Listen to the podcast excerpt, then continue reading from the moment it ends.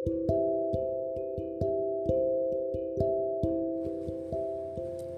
saudara, selamat malam. Apa kabar? Saya berdoa semoga Anda yang saat ini sedang terbaring sakit boleh tetap semangat.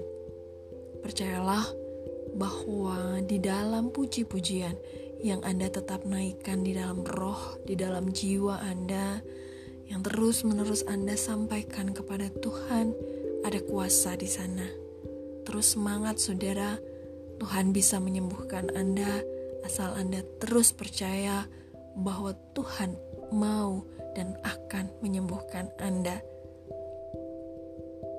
Dan bagi Anda yang sehat, terima kasih sudah mau mendengarkan renungan malam ini bersama-sama. Dan malam ini, renungan yang akan saya bawakan berjudul Kisahku dengan Tuhan. Firman Tuhan diambil dari Roma yang ke-11 ayat 33. Oh alangkah dalamnya kekayaan, hikmat, dan pengetahuan Allah. Sungguh tak terselidiki keputusan-keputusannya dan sungguh tak terselami jalan-jalannya.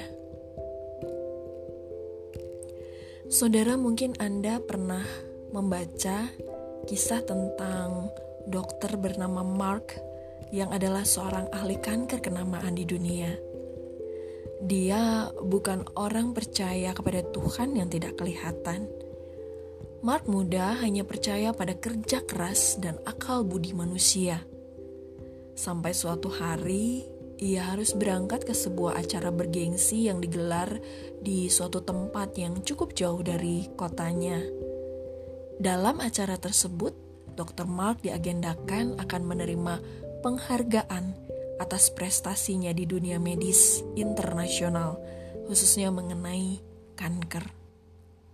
Beberapa hari sebelum hari yang dimaksudkan, sekretarisnya telah memesankan sebuah tiket penerbangan kelas VIP untuk perjalanan ke kota yang dimaksud. Namun, pada hari yang ditentukan itu, di tengah perjalanan, pesawat yang dinaikinya harus mendarat darurat di sebuah desa kecil karena kendala mesin yang tiba-tiba bermasalah. Ketika Mark mencoba menanyakan estimasi kedatangan pesawat pengganti, para kru yang bertugas mendapat informasi bahwa pesawat pengganti akan tiba paling cepat dalam waktu 10 jam lagi. Tapi itu waktu yang terlalu lama untuk Mark. Ia bisa terlambat menghadiri acara tersebut bila hanya menunggu pesawat pengganti. Akhirnya, Mark memilih tawaran pihak lain, yaitu menyewa sebuah mobil yang diperkirakan dapat menempuh perjalanan ke tempat tujuannya hanya dengan memakan waktu 4 jam saja. Sebenarnya itu bukan pilihan yang disukainya. Tapi Mark berpikir bahwa mengendarai mobil adalah pilihan yang terbaik saat itu. Mark pun berjalan menembus kesunyian desa yang diselingi dengan hutan-hutan kecil. Sayangnya, di tengah jalan Mark merasa lelah dan dia juga merasa telah tersesat. Waktu itu perutnya terasa lapar sekali. Saat itu hujan tiba-tiba turun dengan derasnya.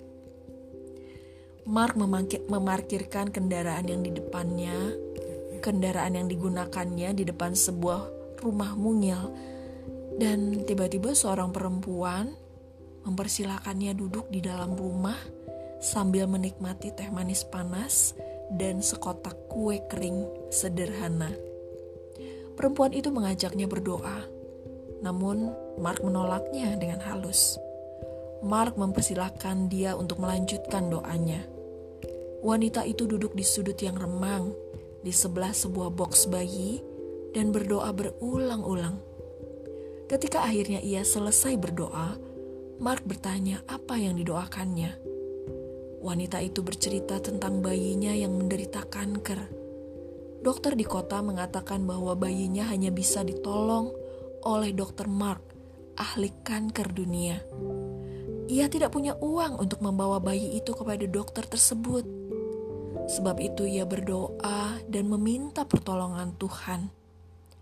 Ia percaya Tuhan pasti sanggup menolongnya. Mark tertegun mendengarnya. Ia teringat pada perjalanan panjangnya yang penuh rintangan di hari itu.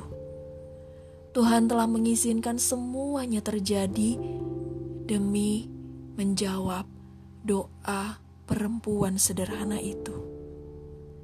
Saat itulah Mark memulai kisahnya bersama Tuhan. Saudara, setiap kita pasti punya cerita bersama Tuhan. Coba ingat-ingat kembali. Terlalu banyak hal di dunia ini yang sebenarnya ada di bawah kendali Tuhan.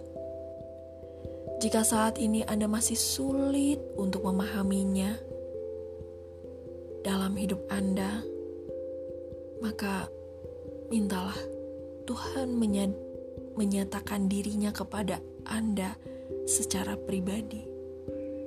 Iya, tentu saja Anda dan saya, kita semua masing-masing boleh meminta agar Tuhan menyatakan dirinya secara pribadi kepada kita. Anda mau kan memulai kisah bersama Tuhan? Mari kita berdoa. Ya Tuhan, nyatakanlah dirimu dan tunjukkanlah kepadaku secara pribadi bahwa Engkau sungguh-sungguh ada untukku sungguh-sungguh mengasihiku. Dan aku mau Tuhan mengisi sisa hidupku ini untuk berjalan selalu bersamamu. Tolong dengarkan doaku ini Tuhan. Amin. Mari saudara, kita percayakan hidup kita untuk terus merasakan kehadiran Tuhan di dalam hidup kita. Selamat malam, selamat beristirahat, dan terima kasih sudah mendengarkan renungan ini. Saya berdoa kita semua tetap ada di dalam berkat, belas kasihan, pemeliharaan, dan kebaikan Tuhan kita, Yesus Kristus. Tuhan memberkati, sampai bertemu kembali. Terima kasih.